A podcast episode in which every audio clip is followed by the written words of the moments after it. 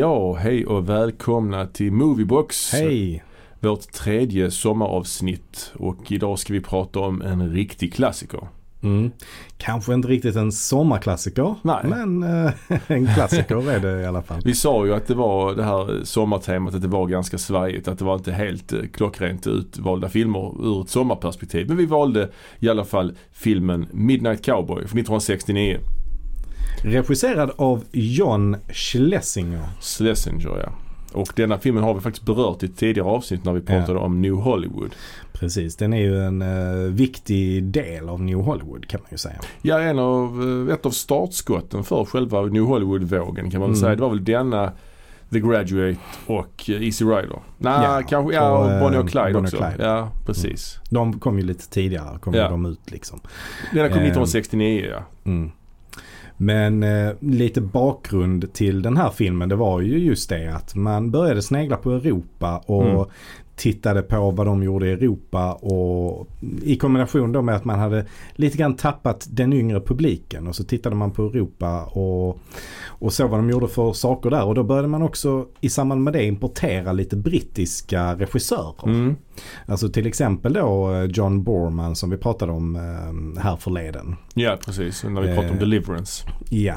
Eh, denna kom ju några år tidigare. Ja. Men eh, namn som Borman, eh, Ken Russell Mm. och även Nicholas Rogue Mm. var ju sådana britter som eh, eh, kom över till Hollywood och började göra film där.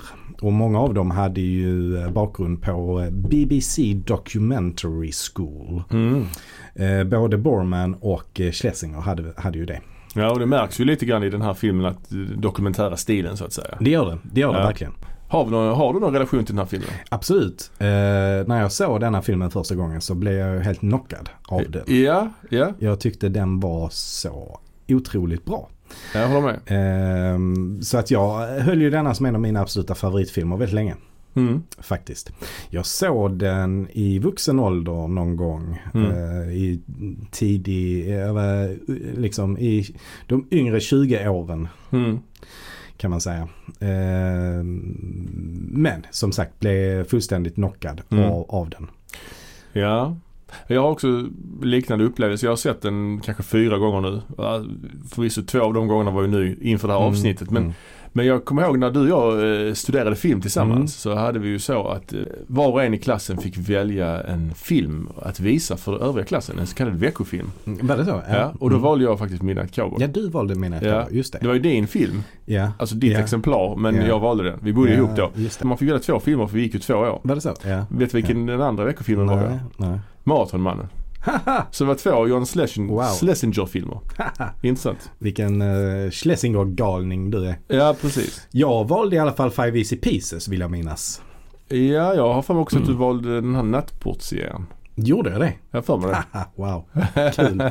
Ändå ball. Ja, Ja, men det är ändå filmer jag eh, skulle kunna ha valt om jag hade valt filmer idag också. Ja, ja, oh, ja. Faktiskt. Ja, men jag håller och står fast också vid mina val faktiskt. Gör. Ja, Det är ja, kanske tråkigt att ha två Schlesinger-filmer i och för sig. Men ja. de är ju ja. ganska olika ändå förutom Ja. att Dustin Hoffman är med båda då. Mm. Ja, men det är eh, kul. Sen är ju Midnight Cowboy kanske också den, en av de coolaste titlarna på en film. Det är det ju. Det är det ju verkligen. Midnight Cowboy. Ja, Det är coolt. absolut. Ja. Det är eh, riktigt tufft. Ja. ja, ska vi Eh, gå igenom vad filmen handlar om då? ja, det kan vi sagt? göra. kan du göra. Mm. Mm. Ta oss igenom den, Erik. Ja, då ska jag försöka göra en sån eh, beskrivning av handlingen så att jag inte liksom berättar hela filmen sen för sen. Men man kan i alla fall säga att en naiv diskare från Texas Mm. spelad av John Voight. Joe Buck heter han. Eh, precis, Joe Buck. Eh, man kan säga att han, han har ett bagage av eh, liksom dåliga händelser som har präglat honom. Mm, mm, mm. Eh, men han har ett gott hjärta. Mm. Han inbillar sig i alla fall att han är en stilig cowboy som har lätt att få kvinnor. Och han åker till New York för att bli en gigolo. Eh, Men det visar sig vara svårare att tjäna pengar på detta än man hade tänkt sig och eh, det visar sig att det kostar mer än det smakar. Eh, Så att det går inte så himla bra för honom. Eh, men han träffar snart en eh, inbiten New York-bo som kallas för Ratso Rizzo spelad av Dustin Hoffman. Mm. Som han blir god vän med och som ska hjälpa honom att få kontakt med en hallick. Men han eh, blir blåst av Ratso. Eh, och eh, pengarna är slut och han blir allt mer desperat och han vänder sig då till homosexuell prostitution istället. Mm. Men det visar sig inte heller vara lyckosamt. Eh, då hans första möte eh, inte genererar några pengar för eh, torsken kan inte betala honom. Och den här torsken spelas ju av Bob Balaban. Bob Balaban, precis. Den här skådespelaren som har varit med i så många år. Ja, precis. Ja. Och har fått ett litet uppsving nu på, Mm. på äldre dagar i och med att han är med i väldigt många Wes Anderson-filmer. Ja just det, just det. Ja, ja. Eh, utkastad från hotellet hittar han till slut Razzo Rizzo. Eh, men han kan inte betala tillbaka de pengarna som han har blåst Joe Buck på. Eh, men istället erbjuder han honom husrum i ett utom, utdömt ockuperat hus som han bor i. Eh, Rizzo visar också honom hur man gör för att hassla sig runt i New York. Mm. Och de blir snart goda vänner. Eh, och framförallt Rizzo eh, när en dröm att åka till värmen i Florida. Mm. Men hans hälsa sviktar. Ja. Och av en slump så hamnar de på en jazzig beatnikfest. Där Joe Buck till slut lyckas hitta en kvinna som är villig att betala för att ha sex med honom. Mm. Men hon gör det ju lite mer som ett experiment, som ett äventyr än att hon faktiskt vill, alltså vad ska man säga, hon eh, är ju inte en person som har svårt att få sex inbillar jag mig, med, eh, utan att betala för det. Mm. Så att hon gör det ju mm, på andra grunder. Men det här ger ändå inte så mycket pengar. Men, eh, så för att hjälpa Rizzo som har blivit allt sjukare så prostituerar sig Buck ytterligare en gång men det slutar i ett misshandelsrån istället.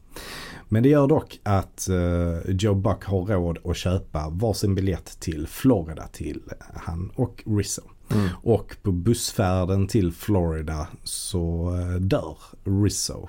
Mm. Eh, och Joe Buck inser ju då också att den här, den här stilen han har haft är liksom inte en vinnande stil så han förändras och slänger sina cowboykläder Mm. i soporna. Så det är väl det som är handlingen ungefär. Ja det är ju hela filmen. Ja. Alltså så slutar den. Ja. Ja. men det gör ju ingenting. Det är ju en gammal film så har man inte sett den får man skylla sig själv. Det är ju alltid lite mer givande att lyssna på det här om man har sett filmen vi pratar om såklart. Mm. Eh, och eh, ja precis och som du var inne på så är det ju John Voight då som spelar huvudrollen. Mm. Han får ju dock inte top billing utan det är ju Dustin Hoffman som får Mm. det. Men det är bara för att han var mer känd väl. Ja, men Dustin Hoffman hade ju eh, varit Oscars-nominerad eh, året innan för Graduate. mandomsprovet. Ja precis. Och sen nämnde vi också Bob Balaban. Eh, vi har faktiskt också en skådespelare som heter, tro det eller ej, John MacGyver. Mm. Alltså MacGyver heter han på riktigt. Det är, ju, Mm. det är ju rätt ball tycker jag. Ja det är det. MacGyver. Ja. Det är han som spelar, eh, eh, nu ska vi se vad han är, Oh Daniels. Ja och Daniel det är någon kille som eh, tar upp eh, Joe Buck på rummet. Och, Mm. Men Mm. istället för att ha sex så vill han ju istället ja, vända honom till kristendomen. Ja. Han är någon slags religiös eh, fanatiker. ja. det är ju en rätt så intensiv och rolig scen ju. Ja, jättebra scen och jättebra skådespelare tycker jag han är. Ja, MacGyver. ja, jag, kan inte, jag kan inte komma på att jag sett honom i något annat men jag tycker han är riktigt bra. Mm. Ehm, Han är med i Breakfast at, Tiffany's också. Mm. Så att, eh, ja, den har man ju sett. Det förvånar mig inte. Ja, Eh, sen har vi också med Sylvia Miles. just det. Eh, och det är hon som spelar den första kvinnan som Joe Buck lyckas ragga upp när han kommer till New York. Ja, lite äldre kvinna. Lite äldre kvinna. Mm. Eh, och blev också en Oscars, Oscars-nominerad för den här filmen faktiskt. Ja det är intressant för det är inte länge hon är med i filmen ju. Hon är Nej. bara i stort sett bara med i en scen ja. Och det, är, det är intressant faktiskt. Mm. Men hon är ju bra och det är en ganska komisk scen där. Och hon har ett jävla bra tugg liksom. Ja, Det är liksom en annan typ av kvinna kanske man var van vid att se i Hollywood på den här tiden. Mm. Alltså, Mm. eh, alltså en, en skildring av en annan typ av kvinna. Eh, Den här filmen är ju ganska kontroversiell alltså. Den, den eh, blev ju en stor succé, inte minst kritikermässigt. Den vann ju en Oscar ju för bästa film. två. Tre. Ja, en för bästa film bara. Den var tre Oscars. Ja, det var den bästa Ja. film, regi och manus. Ja, ja. Manus efter förlaga av han Waldo Salt då. Mm. Eh, Så att det är ju de tre av de fem viktigaste Mm. kategorierna. Mm. Och även då var Hoffman och Voight Mm. nominerade. Plus Mm. då Sylvia Miles. Mm. Eh, men, Så att det var ju en jäkla massa Oscarsnomineringar. ja, men filmen var ju X-rated. Ja. Den fick ju samma rating som porrfilmer för att den tog upp Mm. teman som homosexualitet bland annat till exempel. Och Mm. Schlesinger var ju homosexuell också. Inte öppet dock Nej. vid den här tiden. Nej. Så det var ju en personlig film för honom också tänker jag. Mm. Precis. Ehm, fotografen heter Adam Hollander Mm. och ehm, jag kan inte komma på att han har gjort så himla mycket annat. Men det är ett ganska eh, eh, speciellt foto i den här filmen också. Ja, Skulle jag vilja säga. den är, alltså jag tycker de blandar och ger lite grann. Mm. Å ena sidan så känns filmen väldigt eh, experimentell och väldigt Mm. så här europeisk. Mm. Handkamera, dokumentärt. Mycket flashbacks och mycket liksom surrealistiska flashbacks nästan. Mm. Å andra sidan ibland känns den ganska ordinär. Ganska så här Mm. eh, platt. Ja, ja, det som jag tänker mycket på det är ju att det är väldigt mycket som är inspelat mm, alltså, med telelins. Att man är, de är väldigt långt ifrån Mm, mm, och har det ganska inzoomat. mm. Det är mycket Eh, och kort skärpdjup där med ju. Mm, mm. Ja precis.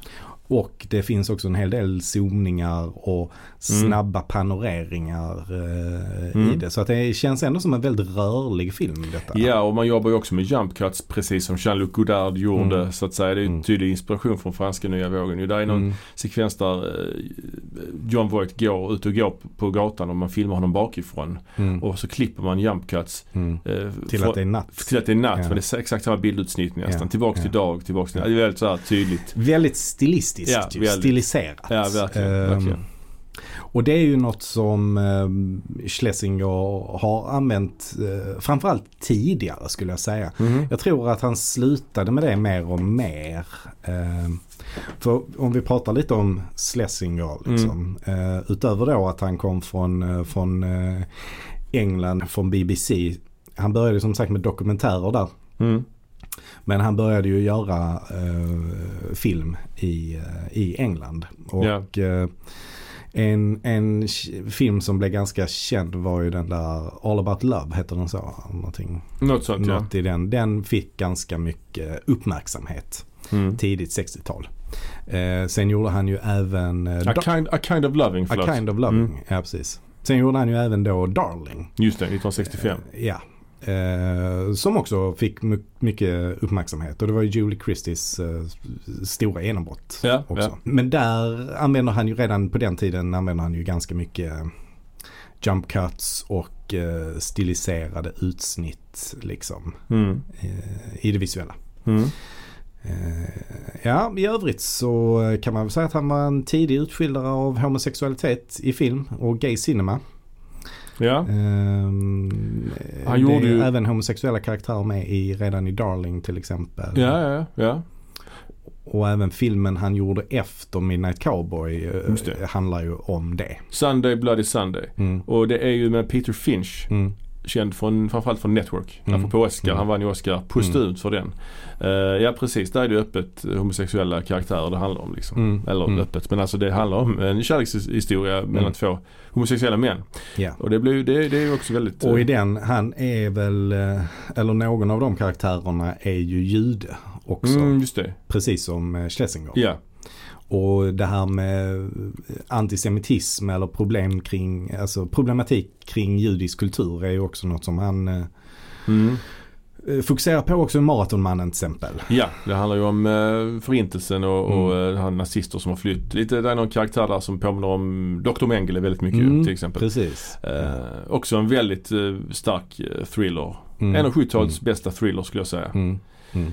Med Dustin Hoffman och Roy Ja, Scheider. den, den känns ju helt klockren tycker jag. Den, den har ju både ett snabbt tempo Mm. men är spännande hela tiden liksom. Och, eh, ja. Ja, jag älskar den filmen. ja, och så på 70-talet så gjorde han ju också The Day of the Locust. Just det. Eh, Donald Sutherland va? med Donald Sutherland som, eh, i rollen som Homer Simpson. Just det, det är roligt ju. Det är roligt att han heter Homer Simpson. Ja. Ja. Eh, så det är frågan fall eh, Simpsons Matt Groening har liksom tittat på den filmen och inspirerats Mm, det är av frågan. Jag vet inte, jag tror inte det alltså. För jag tror att han har Nej. döpt Homer Simpson efter sin pappa som också heter Homer alltså. Ja, okej. Jag tror det, att ja. hans, hans mamma heter Ja. Marge också. Ja. Alltså jag tror det. Jaha, okej. Jag är inte säker. Men det är ju konstigt ändå. Ja det är konstigt ju. Det är precis som Harry Potter i Ja. Troll. Exakt. Ja. Ja. Ja. Det är en karaktär i B-skräckisen Tro- Troll då från Mm. 80-talet som heter Harry Potter. Långt före J.K. Rowlings böcker så att säga. Mm. Mm. Ja, och eh, Dave the Locust eh, handlar ju om eh, det tidiga Hollywood. Mm, alltså mm. guldåldern i Hollywood och stjärnsystemet. Jag vet inte om det utspelar sig på 30 eller 40-talet men det är något, något sånt. Mm. Som ju då handlar om en, eh, eh, vad är han, en sån art director. Ja, eh, som vill slå sig in i, i Hollywood och börja jobba med, med film. Ehm, och det finns många likheter. Alltså den, den använder ju också väldigt mycket så drömska flashbacks och, och sånt. Ja, precis. Eh, Och det finns ju en del, jag vet inte om det är, jo det finns en del eh, antisemitism i den också. Alltså att den tar upp eh, problematik kring det liksom. Mm. Eh, det var ju, ja, det, det var väl ganska utbredd antisemitism just i Hollywood i och med att det var många med judisk bakgrund som ägde filmbolagen. Mm. Mm. Men efter 70-talet så, eh, ja, så kändes det lite grann som att eh, Schlesinger tappade sin kreativitet lite grann kanske. Ja, kanske det alltså. Han gjorde ju inte jättemycket uppmärksammade saker efter det. Nej, det var ju den här Falken och Snömannen va? Ja, precis. Och eh, den, den var väl en eh, relativt habil film när den, alltså thriller när den kom så. Men eh, den, vi, tittar man om den och Mm. jämför den med Maratonmannen så är det milsvid skillnad Ja, på de det är filmerna. Sean Penn i den va? Sean Penn och eh, Timothy Hutton. Just det, just det. Mm. Ja. Ehm, och ehm, nej, den, den, eh, den tycker jag inte är så intressant. eh, Den filmen. Nej. En annan film han gjorde som jag har sett är ju Pacific Heights. Mm, okej. Den, den objudne gästen eller något sånt heter Just den. det. Med Michael Mm. Keaton, Eddie Melanie Mm. Griffith och Matthew Modine också. Mm, mm. Den var äldre, det var en sån, det kom någon, en våg av den typen av filmer där Ja, tidigt 90-tal. ja, Jag kan inte ja. riktigt, Sova med fienden. ja men sånt och, och precis sådana filmer. Jag har för mig jag har sett någon med Ray Liotta. Ja det finns Typ någon, Kurt Russell. Ja, ja. så objudne gäst, ja, Ja, någonting där. Mm. Exakt. Home Invasion film kan man väl kalla det Ja för. kanske det ja, liksom. ja precis. Ehm, ja, det känns också som jag har sett den men jag har inget, alltså jag kan inte placera den riktigt. Nej jag minns inte riktigt vad den handlar om. Alltså, Jag har sett hans sista film han har också i sin filmografi. ja, The Next Best Thing Ja. med Madonna. Med Madonna och han eh, Rupert Everett. Everett. Ja, Ja. just det. Ehm, ingen höjdare, tyvärr. Nej, ja, det är synd det. Ja. Men eh, ja, det, utöver det, de som vi har pratat om så är det ju också så, Walder Salt har vi ju nämnt lite grann. Men detta Mm. blev ju också hans stora comeback. Eh, Comeback? Ja, comeback får man väl nästan säga. Liksom. Aha. Han, han eh, var ju en sån klassisk Hollywood-manusförfattare. Mm. Och jobbade eh, till 50-talet. Och då blev han ju svartlistad. Ja, ja, ja. Mm. Eh, och kunde ju inte jobba i 11 år. Ja, just det. Eh, då under den, ja vad kallar man det, Huak, ja. McCarthy-eran. Ja, det? ja, Huak-förhör och så vidare. Ja, Mm. ja. Ehm, och den här perioden när han inte kunde jobba eh, präglade honom. Vilket gjorde att han då intresserade sig för liksom så här systemkritiska filmer och Mm. gärna filmer om outsiders eh, som står upp mot en mobb. Och han skrev ju också manus till Serpico Ja, till exempel. Mm. Som ju också har den typen av, eh, Ja. av handling. Och även Day of the Locust Mm. är ju lite så. Eh, sen så när han väl började, kunde börja jobba igen så gjorde han under ganska kort tid tre, tre filmer som allihopa blev eh, rätt dåliga. De blev Mm. floppar liksom. Mm. Så då bara tänk, liksom, tänkte han om och eh, fokuserade bara på att göra projekt som var betydelsefulla för honom själv. Mm. Och den första filmen han gjorde efter de här tre flopparna det var denna Midnight Cowboy. Ja, ja. Och sen efter det så eh, var han ju en sån författare som tog väldigt lång tid på sig. Mm. Tog tre år för att skriva ett manus Mm. ofta. Mm. Eh, Så att han gjorde inte så många filmer. Han gjorde, var ju aktiv under 70-talet så att jag tror Coming Home var hans sista film. Mm. Men om vi ska gå tillbaks till, till, till Midnight Cowboy Mm. då som är hans största framgång. Han vann ju Oscar för den och den är ju, ja det är ju en klassiker helt enkelt. Mm.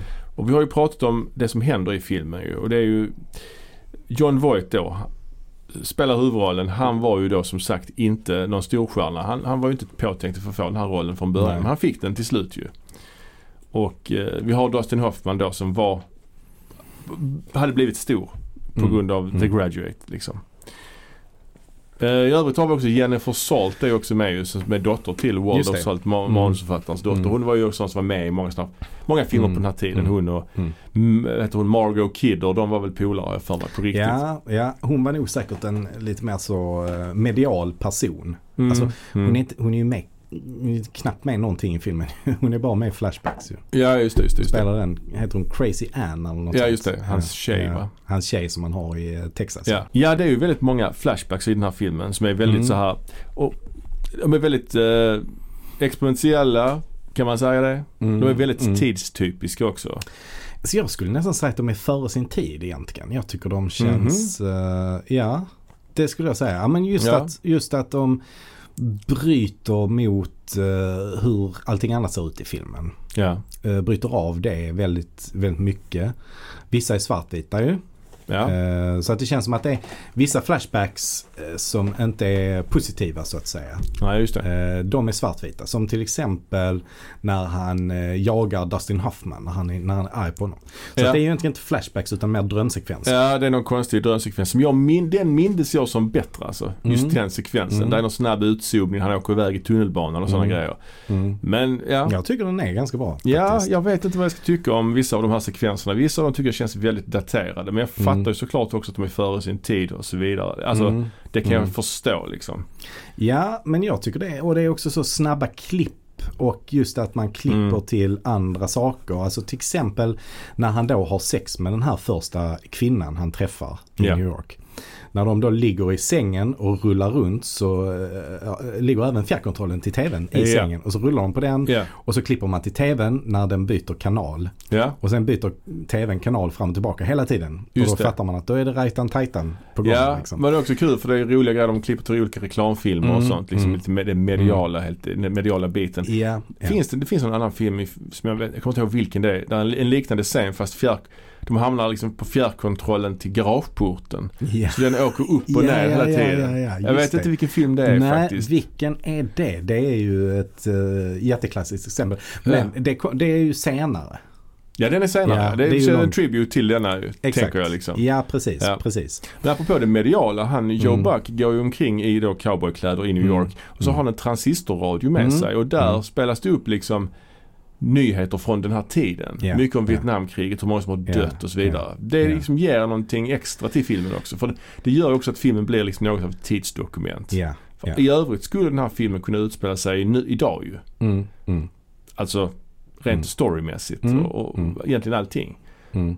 Men det är ju något annat. Sen är det ju härligt att se New York 1969 liksom. Eller 68, det spelades den väl in antar jag. Men ja. Det, Ja, det är snyggt. Det här med transistorradion tycker jag är rätt eh, kul. Mm. För han har ju den, när han, sett, han, filmen börjar ju med att han går in och säger upp sig från sitt jobb som Ja. diskare på Ja. den här dinern i Texas. Precis. Sen så, eh, och hela titelsekvensen är ju rätt snygg när han går med sin sån väska. Mm.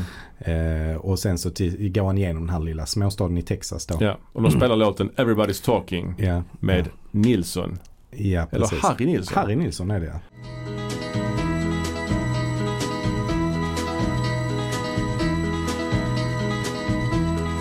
Everybody's talking at me. I don't hear they're saying. Där kan jag säga att den låten överanvänds skulle jag vilja säga. Ja, Kanske. Ja, Ja, ja, jag, jag, ja, jag eh, tycker nog inte det ändå. Ja, den liksom. återkommer ett par gånger. Men ja, Mm. vad skulle du säga? Han Mm. går där med transistorradion. Han går där, sätter sig till slut på en greyhound buss Just det. eh, och eh, har hela tiden den här radion med sig. Mm. Och det som är intressant är också att sättet han vet att han är i New York Mm. Det är när radion tar in New York-kanal. Ja, exakt. Och det tyckte jag var rätt kul för det är liksom lite så som att man idag om man åker tåg eller buss Ja. vill veta var man är kollar man på Google Maps. Men Ja, han- eller man får ett sms. Välkommen till Danmark. Ja exakt. Ja. Men nu är det, han sitter bredvid en nunna så får han in Ja. eh, signalen där. Så, oh that's New York talking ma'am. Sorry ma'am. Ja. Ja, nej, men det, det, det, det är helt klart, helt klart ett, liksom ett, en tidsmarkör där. Mm. Mm. Ehm, ja och som sagt filmen är ju väldigt sån nya vågen. Återigen när han sitter där på bussen och lyssnar på radion så är det ju något program man får in som handlar om kvinnors eh, drömkille. Mm. Mm. Och så hör man olika kvinnoröster som pratar om att han ska vara rik, han ska vara lång, han ska vara liksom eh, Han ska vara bra i sängen. Han Och sen får man- ska vara äventyrlig. Ja, och han sånt. säger ju att Ja. han själv är allt det här liksom. Ja. Och så klipper man så får man ju se de här kvinnorna bli liksom intervjuade på gatan Mm. också. Så Mm. man liksom lägger på radiorösten på en kvinna. En sån här telebild också med kort skärpdjup, Mm. suddig bakgrund. Det är väldigt snyggt. Ja, precis. Och det, det känns ju väldigt mycket så, ja som du säger, nya vågen, mo- Mm. modernistiskt. Ja. Jag tänker faktiskt lite på filmen eh, Jag är nyfiken gul. Eller Ja, ja, ja. Jag är nyfiken blå. Den, han- den är ju också väldigt mycket så. Man Mm. intervjuar random människor. Ja, just det, just det. Och eh, han har ju använt liknande klipp i tidigare filmer, till exempel Darling. Mm. Där tror jag att han har blivit väldigt inspirerad av eh, Jag är nyfiken gul. Mhm. Liksom. För där är det till och med en sån polisman som han intervjuar om, eh, om homosexualitet i London. Ja, ja, ja. I, i den. Så att det är ju ett grepp han har använt tidigare liksom, Mm. och fortsätter använda här i denna filmen. Men jag skulle ändå säga att jag tycker att den här filmen är mycket, mycket mer sammanhållen. Mm. Ja, Och ändå mycket mer eh, narrativet i filmen är ju ändå mycket tydligare. ja, ja. Det är ingen mer, ändå svår mer film. klassisk även om man stilistiskt sett blandar in de här jump cutsen och de här Mm. klippen till tv, eh, Mm. tv-klipp och reklamer och sånt där liksom. Nej, det är ju ingen svår film. Det är det ju inte. Det, det är ju liksom, Mm. det är en ganska tydlig film. Och Mm. det är intressant också att han väljer att anamma den här cowboy-stilen. Att det är Mm. någon slags eh, Ja, han kommer från Texas såklart. Men det är också lite så varför väljer han det? Men det ska väl vara att han är den här amerikanska arketypen. Den här Mm. hjältekaraktären. Liksom. Ja. De pratar ju om det att Hoffman säger att han tycker det är liksom Det är bara bögar som gillar Mm. sånt. That's Mm. fag Mm. stuff. That's what it That is. That's for Eh, fags. Ja, ja, Och så säger han John Wayne, you tell me he's a fag. ja, ja. Ja, men vi får ju svaret på det lite grann i, eh, i flashbacksen till hans uppväxt ju. Ja, För där får vi ju reda på lite grann om eh, John Boyds bakgrund. Eh, Ja. Och han har ju då blivit eh, bortlämnad av sin mamma som barn då. Till hans eh, morbror, eh, mormor. mormor ja, eh, som precis. har uppfostrat honom. Och där får vi även hintar till Ja. att eh, det, det har hon kanske inte varit så duktig på. Utan hon har då även kanske antastat honom på något, Ja. något sätt. Vi får aldrig eh, någon Ja, det, riktig det, klarhet det, i det det. men antyds att hon har det, utnyttjat det honom. antyds att hon har utnyttjat honom. Ja. Det antyds också att eh, hon har haft väldigt många karar i, i huset. Mm. Och de har ju allihopa då varit så cowboys. Mm. Och hon har ju också så här klätt upp honom till cowboy och säger Mm. du kommer vara den snyggaste cowboyen på stan ikväll. Så att han har ju blivit eh, på något sätt fått det eh, fått det med sig från barndomen Ja. på något sätt. Precis. Alltså att eh, apropå John Wayne. Mm. De säger, han nämns ju i dialogen och han vann ju faktiskt Oscar det här Ja, året för ja. den här True Grit. Ja, Det är intressant. Ja, det var ju väldigt intressant där liksom att, eh, att han var nominerad och han represe- pre- representerar ju verkligen det gamla Hollywood. Oh ja, oh ja. Eh, och trots att filmen vinner bästa film, bästa regi och bästa manus Mm. Så vinner inte eh, vare sig John Voight eller Dustin Hoffman utan John Wayne istället liksom för True, True Grit och det är väl inte någon av hans mest klassiska filmer heller skulle jag säga. Eh, nej, nej, nej, nej. Nej. Men det känns kanske som att det var en liten sån här Det känns som att lång och trogen tjänst Oscar liksom. Ja, och att folk kanske röstade, ja, de, eh, ja, de röstade nog så, ja. lång och trogen tjänst. Och Ja. att man inte riktigt vågar rösta på någon av de här nykomlingarna. Ja, det här året var intressant. eh, Ett, ett intressant Oscarsår om vi ska gå in på Mm. det. Det är alltid kul att se vilka Mm. filmer som var nominerade. Och bästa film var ju Midnight Cowboy. En film som heter Anne of the Thousand Days. Jag inte känner inte till. Nej. Sen var det Butch Cassidy and the Sundance Kid ju Ja. med Redford Newman. Hello Dolly. Och då Z. Mhm. Det är väl han Costa Gravas ja, just det. Okej. Men det fanns en annan film som hette They Shoot Horses, Don't They? Ja. Av Sidney Pollack. Eh, Mm. Också en ny regissör vid den här tiden. Mm. Som fick nio nomineringar. Oj. Dock inte bästa film. Mhm. Vilket är rekord. Mm. Den fick liksom för regi och, och skådisar men inte just bästa Mm. film. Mm. Intressant. Mm. En liten parentes. Ja precis. Han, han, hans eh, bakgrund berättas ju i flashbacksen där genom att Ja, det, det, han, Mm. man får ju reda på ganska mycket om honom. Liksom. Mm. Men Ratso Rizzo, han Mm. får ju också lite flashbacks. Mm. Eller han har lite mer drömmar Ja, det, kanske. det är med dröm- drömsekvenser. Drömsekvenser Ja, absolut. är ju det. Eh, och jag gillar ändå när de kommer för de bryter ju av så himla mycket mot eh, smutsiga, Mm. gråa och trista New York. Ja, där är någon han drömmer sig bort till Florida. Att han och Joe Buck är i Florida och Ja. får eh, massage på stranden och sånt. Och det är de får så... sina skor putsade också. Ja, Vilket där finns ju också en scen där han där, där finns ju en scen när han ska senare då eh, fixa till eh, Joe Buck. För han, Mm. Joe Buck har ju blivit utkastad från hotellet och sånt så han är helt Ja. så skitig. Eh, så då ska han ju, han klipper honom bland annat och så här, får någon ny skjorta. Och så är det en scen där han sitter och putsar skorna. Just De det. sätter sig i tunnelbanan liksom ja. på en sån bänk och så bara kommer det fullt med folk och sätter sig eh, bredvid Joe Buck. Bland annat en polis då. Så. Ratso tvingas ju putsa allas skor då.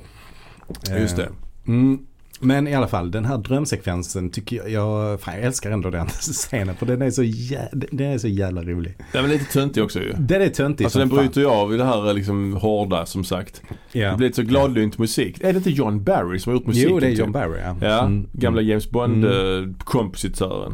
Ja precis. Ja. Ja. men det är jävligt roligt när de springer på stranden. De båda två springer så jävla fult. Ja, ja Alltså, verkligen, verkligen.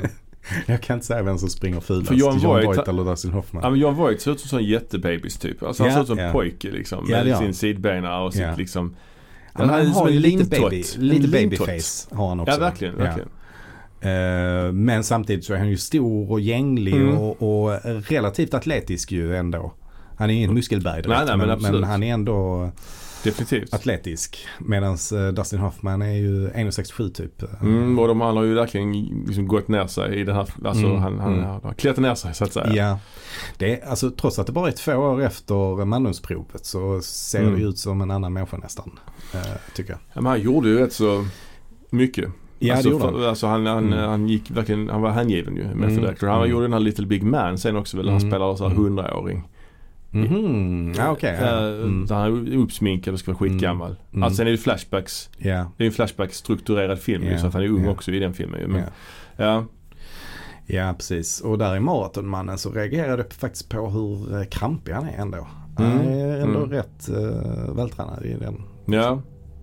Ja det är en jä- ja, jag älskar Mm. Maratonmannen alltså.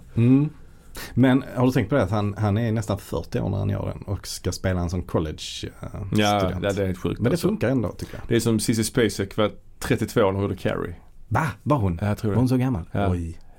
Vi pratade om den filmen för rätt länge sedan. Ja, ja. Där sa vi att hon var trovärdig. Alla andra kände så gamla. Men hon var äldst tror jag. Ja, hon var jag, det. tror, jag tror det. Jag var 32 eller något sånt. Okej. Så jag spelade 16, 17. Jaha. Ja, dubbelt så gammal. Ja. Ja, ja. Ehm. Ja, hur som helst. Flashbackarna till Florida gillar jag ändå för att eh, de är så överdrivna. Mm. Och det är så uh, fånig musik liksom. Och så springer de på stranden. Och sitter sen och sippar drinkar och får skorna putsade. Men det kännetecknar ju ändå eh, i mångt och mycket vad den här filmen handlar om. Mm. Alltså den handlar ju mycket om drömmar. Eh, den handlar ju också om eh, vänskap och lojalitet. Ja. För det byggs ju upp en väldig vänskap mellan, eh, eller egentligen så handlar det väl lite grann om att John Voight lär sig liksom att eh, kunna lita på andra. Och trots att han blir lurad hela tiden och Ja, utnyttjad hela tiden. Så lär han sig att eh, verkligen tycka om eh, Razzo Rizzo och Mm. eh, verkligen bli vän.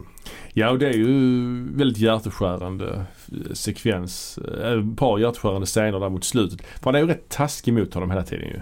Vem är taskig Alltså mot? John Voight är ju rätt så taskig mot eh, Dustin Hoffman. Ja det är han. Och det har väl mycket att göra med att uh, Rats och Rizzo blåser honom när Mm. de först träffas. Mm, just det. Mm. Eh, så att det finns väl en förklaring till att han, eh, att han inte kan lita på honom riktigt. Och, eh, Nej, nej, precis. och sådär. Trots att efter det så försöker ju verkligen uh, Rizzo hjälpa honom. Ja, han får bo hos honom och Ja, han försöker vara liksom ja. snäll mot honom och Ja, ja. i hans kyffe där liksom. ja precis. Men sen blir han ju sämre och sämre i hälso, hälso Mm. Han får ju Mm. tuberkulos eller något i den stilen. Mm, mm, Eh, och det är ju väldigt stark scen där, där han säger att jag kan inte gå längre och du vet vad de gör när man inte kan gå längre. Han är liksom Mm. verkligen eh, rädd att han ska liksom inte få lov att, mm. han ska, att han ska bli in, inlåst typ. Ja, ja. Eh, ja, det, är, det är väldigt tragiskt. Mm. Och även eh, slutscenen när de sitter på bussen och han dör och han busschauffören går, till, går bak och Mm. ja, han har dött. Ja okej men vi får låtsas att han sover för att Mm. ingen ska få panik. Så bara får Mm. han åka med honom där iväg liksom. Ja, det är, så, det, är så, det är så sjukt. Ja, Tycker jag. ja. Att de bara fortsätter köra bussen. ja fast han har dött så. Ja, att de vi, inte låtsas, tillkallar en ambulans Ja. som hämtar upp honom. vi låtsas som ingenting. Väldigt Mm. stark slutscen alltså. Ja det är det. Och även eh, scenen innan när, eh, när eh, Dustin Hoffman bak, vaknar upp och har eh, kissat ner sig. Just det, just det. Och är väldigt så berörd av det på något sätt. Ja. Eh, Men, men då är ju ändå John Voight så att han kan skämta om det och, och sådär. Mm. Och sen så stannar bussen och så köper de nya kläder och då köper ju även John Voight nya kläder till sig själv. Ja. Liksom, vilket ju då visar att han har eh, genomgått en förändring. Han Ja, slänger precis. sina cowboykläder. Jag säger nu här att Cissi Spacek var alltså inte 32 utan hon var alltså, vad blir det, 27. Men det är ändå ganska långt över Ja, eh, men det är det. gymnasieåldern Ja, får man säga. Ja. Jo det är det ju. Ja. Det är det absolut. Det är kanske ändå större skillnad på uh, Dustin Hoffman som är 40 mm. när han är Maratonmannen och ska spela typ 20. Ja, kanske. Kanske det. Ja. Jo, det är det ju såklart. Ja. Eh, Ehm. Men i alla fall en sak som jag tänkte på där med, med bussen. Mm. Det är ju att eh, Dustin Hoffmans uh, manusprov slutar ju också på, på en buss. Precis, precis. Det är ju lite kul. Ja, det är det ju. Att, Li- Liknande ödesmättat slut, öppet slut. De, mm, med annordsprovet så har de ju hon har ju flytt från sitt bröllop va? och de sitter Mm. där och så tittar de bara åt varsitt håll, bara tittar ut. Och så kör de det här Sound of Silence på Mm. soundtracket. På ja det, det är ett slut som man nog skulle kunna skriva en avhandling om. Ja men typ, alltså de är på Eh, väg ut mot den, den oförutsägbara framtiden och så vidare. Okända. Ja, och jag, jag tolkar det på något sätt som att jaha, nu var det här äventyret över, vad ska vi nu göra liksom? Mm, mm, mm. Alltså som att det på något sätt gör att de tappar det som, alltså det var hela tiden på något sätt jakten Mm. som var intressant för Dustin Hoffman i den filmen. ja. Men den är över, nu, Ja. har, nu har han vunnit. The chase is better than the catch. Ja men lite så, Ja. lite så. Och här är det ju lik, liknande. Alltså drömmen om Florida, ja vi har uppnått den men nu är han död. Mm. Mm. Det, vad ska han göra? Vad gör Joe Buck efter detta liksom? Ja, kommer den Midnight Cowboy 2 kanske? Ja precis. John Voight lever fortfarande. Ja, ja, det gör. Dustin. Hoffman också. Men han har väl slutat göra film i och för sig. Ja, fast han lever ju inte filmen så det blir svårt. Ja, i och för sig. Man kan vara i flashbacks. hade ju behövt vara tyvärr. DH. Nej, jag skulle mer vilja veta vad, vad Joe Buck har haft för sig i Florida. Har han varit kvar i Florida? Vad har gjort de senaste 50 åren? Ja, Ja. precis. Verkligen. Ja, men va, nu när vi har sett om filmen med vuxna, Mm. vuxna, kunniga filmvetarögon. Nej, vad ska man säga? Håller filmen? Ja men jag Håller den tycker, jäveln? jag tycker den jäveln håller ändå. Alltså. Mm. Man, man får ju alltid ta ändå hänsyn till liksom, att eh, det här är en film som ändå är 50 år gammal. Ja, ja. Mer än det. Mer än det till och med. Mm. S- så, så, är det ju, så är det ju alltid. Men jag tycker porträttet av New York det är, det är intressant. Till exempel första scenen när han kommer till New York och eh, han bara går omkring på gatorna och Mm. han tittar efter möjliga kvinnor han ska kunna approacha. Mm. Det är ju någon slags medley där de har klippt ihop. Med filmlåten Everybody's Talking. Ja men jag är det den? Ja det kanske Jag det. tror det. Mm. Men det är- de, där är, finns ju även en annan signaturmelodi Ja, som är ja. lite mer, eh, lite mer deppig eller vad man ska Ja, det är säga. John Barry väl då? jag. precis. Ja, precis. Eh, den är ju också, figurerar också rätt mycket. Ja, ja. Men i alla fall. Eh, så bara går, går han förbi en man som ligger och har kollapsat på gatan.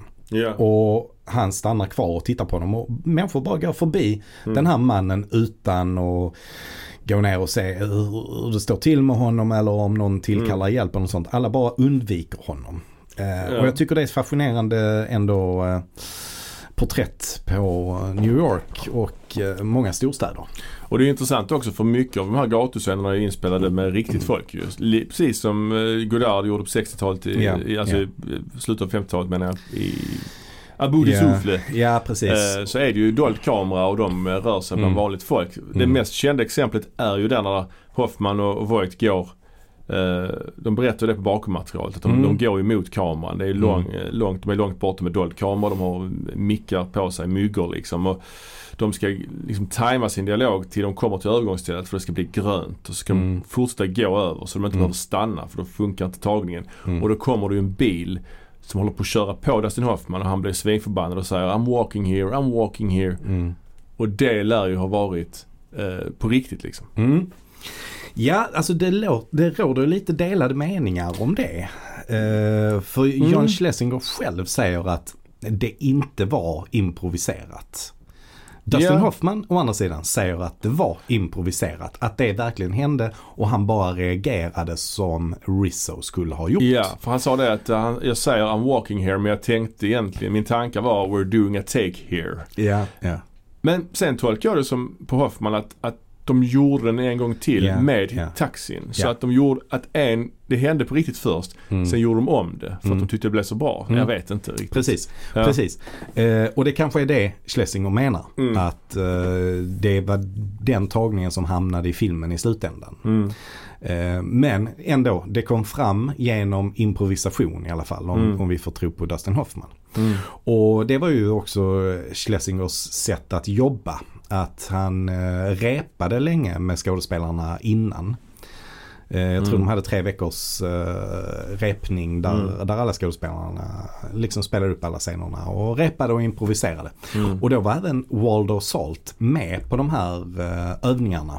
Och gick hem och skrev om manuset och kom Mm. med ett nytt manus till nästa dag. Liksom, Mm. Om det var saker som förändrades. Ja, ja, ja. eh, sådär. Så att det, och det var ju ganska många som jobbade på det sättet men det är ju lite eh, dyrt att jobba så eftersom Ja, man måste använda skådespelarna under en längre tid än vad de egentligen behövs. Ja för men filmen. precis. Men eh, ja, intressant sätt att jobba på. Ja verkligen. Sen vet fasen, ja. Om man får svära lite i kyrkan. Ja visst. Alltså det är alltid intressant. Vi pratar om vad vi tycker om filmen nu Mm, så här mm. många år efter den kom ut och så Mm. vidare. Jag har sett om det nu. Eh, vad tycker du? Jag är inte helt Alltså jag, jag älskar filmen, det gör jag. Mm. Men jag kan ibland tycka att skådespeleriet från de två huvudpersonerna ibland eh, eh, inte är jättebra. Nähä, nej. Jag kan tycka att Voight ibland är lite stel, att han liksom Han är lite stel i sin leverans alltså. Ibland, ty- kan jag tycka. Ja, Och att ibland att han gör en dialekt liksom. ja, ja. Ja men så är det ju alltså. Ja, Han, han- han, gör gör ju verkligen Ja. en dialekt ju. Ja det gör han ju. Han var ju, han var väl ifrån New York tror jag på riktigt. Mm. Eller är. Mm. Eh, Hoffman och lika så kan jag tycka att hans Rizzos dialekt och hans, hans röst kan vara, blir lite så här tecknad filmfigur ibland Mm. liksom. Mm. Någon sån här, eh, en, liksom, ja, någon sån här Mm. liksom lömsk vessla i Mm. någon sån Looney Tunes eller Mm. något i den stilen liksom. Lite karikatyr men samtidigt, han är mycket bättre när han är närtonad. Alltså i de, Mm. när han är ledsen, när Rizzo då när han är orolig för att någon, när han inte kan Mm. gå. Mm. Alltså då är han ju väldigt trovärdig. Annars kan han Mm. bli, li, det kan bli lite för mycket tycker jag. Ibland. Mm.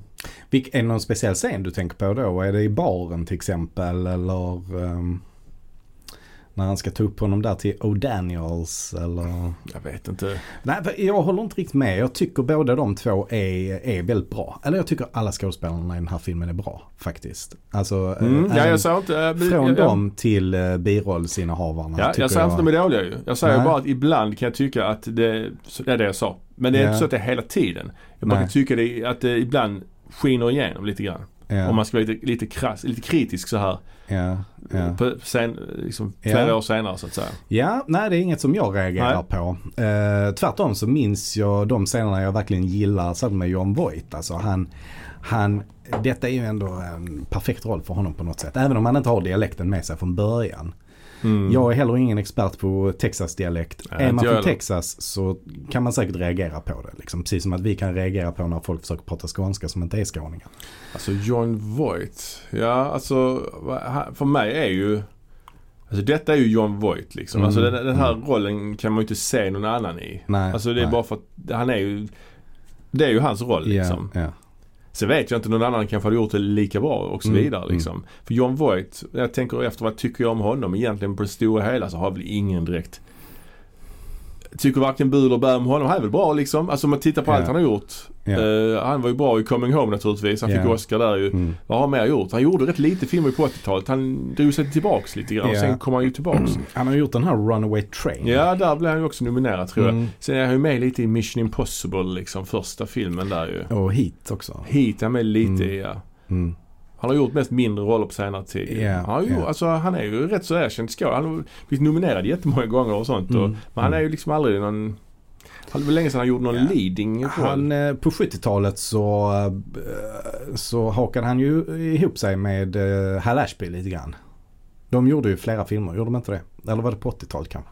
Ja, han gjorde... Han ja. gjorde Coming Home Ja, det var väl bara den va? Eller? och sen gjorde han ju fler grejer på efter den ju. Ja, just det ja. Som blev floppar Mm. Ja, det stämmer. där. Det stämmer ja. Just det. Ehm, och de, ja som sagt, de blev floppar. Jag vet inte Mm. om det, det kanske bara var en film till han gjorde med Hal Ashby.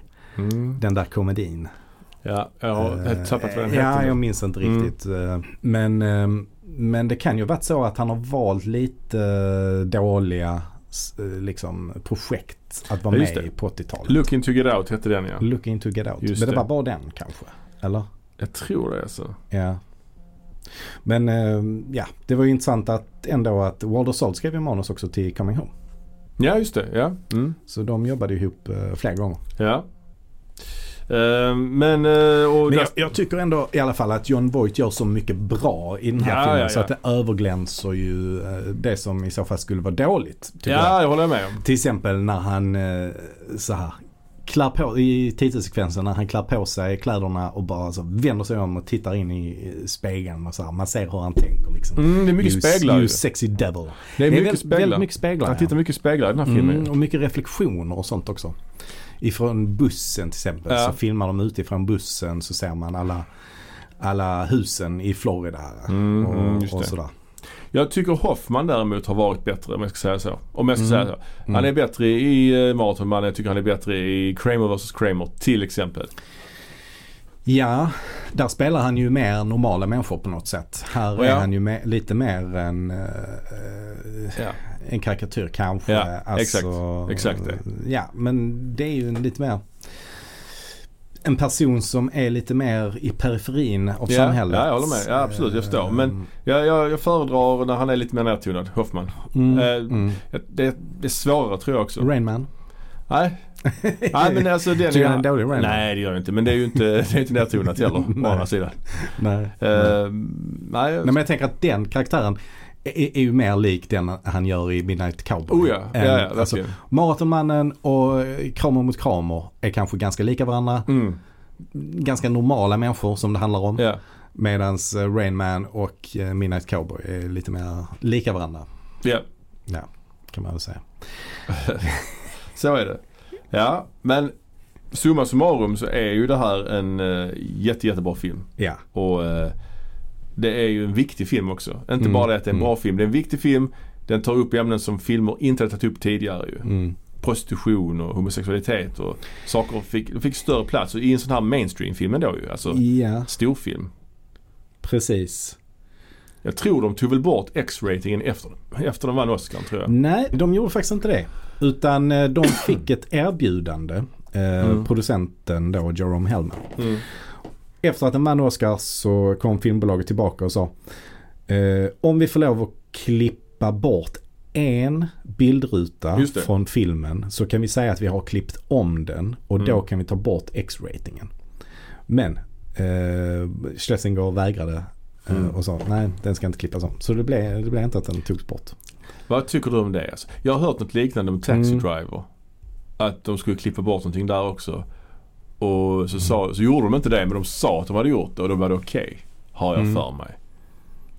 Eller var det det? Ja, ja. Men, men det här tycker jag, en frame. Ja. Klipp, var det någon specifik frame? Eller nej, det var det nej, inte va? nej, det var bara för att filmbolaget skulle Ja. kunna säga att vi har klippt om den. Ja. Liksom. Så Ja, jag fattar, jag fattar ju hans integritet där. Han vill ju inte Ja. Man vill, han vill ju inte att det ska gå ut att den är omklippt Nej. av ett filmbolag. Det vill Nej, han ju inte. nej. Samtidigt. Nu, så, nu omklippt och därmed är den eh, rated R ja, istället. ja, Eller vad det var. Från 18 kanske det var. ja.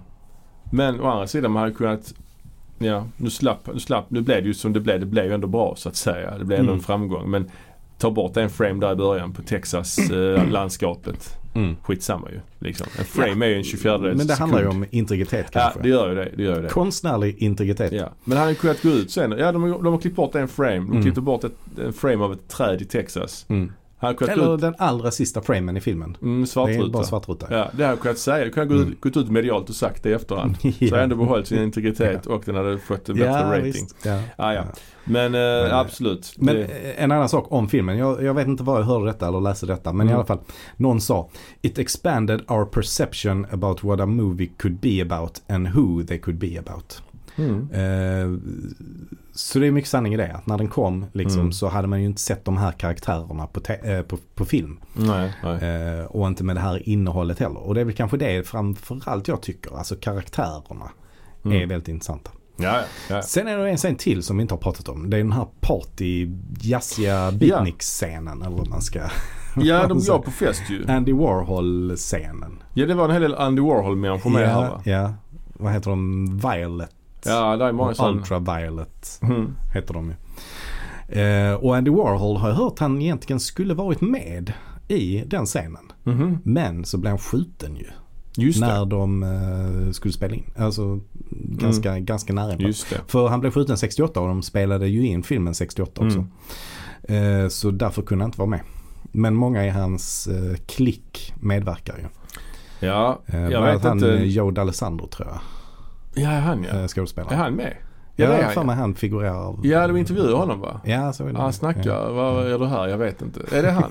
ja, Han var ju med i en del sådana här Han italienska. Fle- Flesh for Frankenstein Ja, och han är med i någon poli- Polizioteschi, italienska Ja, polisfilmer. Jag har ja, någon med honom. Ja. Eh, ja, fint. Eh, ja, precis. Men nu är det inte bra att han blev skjuten. Han dog ju inte Mm. ska vi säga. Det vet jag. Han, han, Mm. han klarar sig ju. Mm. Men det han- påverkade ju honom. Ja, såklart. Eh, han, ja. Svårt att bli op- opåverkad av det. Men, Mm. men hade han varit med i den scenen hade man inte glidit ur fiktionen lite då? Jag vet inte. Det hade tagit för mycket uppmärksamhet tror jag. Mm. Mm. Jo, jo, Kanske. kan det vara. Så Mm. kan det vara ja. Eh, Men eh, det känns ju, där blev det, det, den sekvensen känns ju, ja. Den känns inte lika tidlös. Tycker jag. Jag tycker nog det är en, eller nej kanske inte tidlös men den är ju ett, eh, vad ska man säga, Ja, tidsdokument ju. tidsdokument på hur det var då. Det Ja, känns ja. ju ändå totalt trovärdigt. Ja, oh ja, oh Tycker ja, jag. oh ja. Absolut. Eh, Men den har inte den här, ehm, ja, det, det, där är det inte så dokumentär stil om jag säger så. nej, alltså det, det, det är en annan typ av eh, känsla i den scenen. Rent. Mm. Det är ju ja, utflippad ljussättning. Men det är klart, Mm. det, är, det passar ju. De är ju på en klubb liksom. Mm. Eh, Eller inne i, eller kanske ska föreställa att det är inne i Ja. Andy Warhols The Factory. eh, factory Ja, jag alltså tror hans studio. det. Ja. Ehm, Nej men det, det är bra och där blev ju han eh, Hoffman lite så antastad av folk. Han vill ju inte att de ska röra vid honom och sånt ju. var det så? Ja. Han, sno, så, han börjar med att sno mat ju. Mm. Mm. Han ska sno eh, lite kallskuret så säger de Mm. du, vet att det är gratis, du behöver inte sno det. Och då säger han men om det är gratis då kan jag ju inte sno det. It ain't stealing if it's free. Men sen några kvinnor som vill liksom, som är intresserade av honom, börjar smeka honom och sånt och, Ja. och då vill han inte det liksom. Nej, nej. För det antyds väl lite grann att han är, att han är homosexuell kanske, eller? Att han är intresserad av Joe Buck, lite kär i honom kanske. Jag vet inte. Inte jag heller. Eh, För han är ju rädd för att han, han, han är ju lite så, Han har ju en beef med en annan eh, homosexuell person som, eh, som de träffar där på den baren. just det. Där de träffas första gången. Ja. Han har ju någon slags beef där. Ja men sen är det också att Joe Buck är lite så rädd för Rizzo ur, det, ur den aspekten. Att var är mina stövlar? Eller vad har du gjort? Varför tar du av mina stövlar? Att han, Mm. att han liksom, Mm. ja. Han, han vill inte att han ska tafsa på honom så att säga. Alltså ja, lite så. ja, precis. Och sen så, ja, och det, ja. Det, nej, det kan, vara, det, det kan vara så. Det är inte supertydligt. Nej jag, jag, vet inte om det, jag vet inte om det är så. Det var en tanke jag hade där. När Mm. man la ihop lite olika Mm. saker i de olika scenerna. Ja. Alltså han, vad, jag- vad, jag, kan, vad jag kan minnas Mm. så, eh, alltså Rats och Rizzo pratar ju aldrig så mycket om något sexuellt egentligen. Han är ju ganska asexuell i den här filmen. Ja men han är ju på honom där ju. It's between me and my confessor och hela den biten. Ja. Um, Vem, han typ- vem säger det? Säger Riz- Rizzo, han, han frågar ju när var det senaste gången du Ja. låg med någon? Så säger han det, Jaha. det säger jag bara i, under bikten. Ja och, Mm. ja, ja, och så vidare. Ja, Och så han, "Ah, I'm sure you ain't never been laid och så vidare. ja, just det, just det. Just Det den sekvensen Ja. när han snackar om John Wayne och det också ju. Ja, så det är nog snarare så jag ser på Ja, det kan vara så också. Alltså att han är lite asexuell på något sätt. Mm, kanske. Eh, Lite avig där. Ja, Mm. ja. Mm. Mm. Nej, sen eh, däremot så eh, Joe Buck han har ju också varit utsatt för andra saker får vi ju se i eh, vi berörde det lite snabbt när vi pratade om Crazy Ann. Ja, där är en svartvit sekvens där han Mm. och hans tjej då sitter i en bil och, och hånglar och så vidare. Och då kommer en Ja. sån jävla pöbel och Mm. drar ut henne och honom nakna. Och, Ja, och de eh, våldtar ju både henne och honom. ja. Det är ju också helt sjukt ju. Ja, Där är Rizzo också med i den sekvensen Mm, ju. Men det är ju mm. som han blandar ihop grejer ju så ja säga. precis. Så att det, att, att det har gått till på det sättet som, eh, som det antyds i hans Flashback är ju kanske inte att det behöver ha varit så. Eftersom Nej, det är en ganska, ganska udda grej liksom. Att man eh, liksom våldtar båda på det viset. Mm, mm. Mm. Ja. Mm. Eh, finns det något mer att säga om Midnight Cowboy? Det är en film som måste upplevas. Mm. Eh, nu har Det vi berätt- ja. Och ni har, har man inte sett den så har vi berättat allt vad som händer i den kanske. Inte allt vad som händer i den men hur den slutar och sånt. Mm. Det är skitsamma egentligen.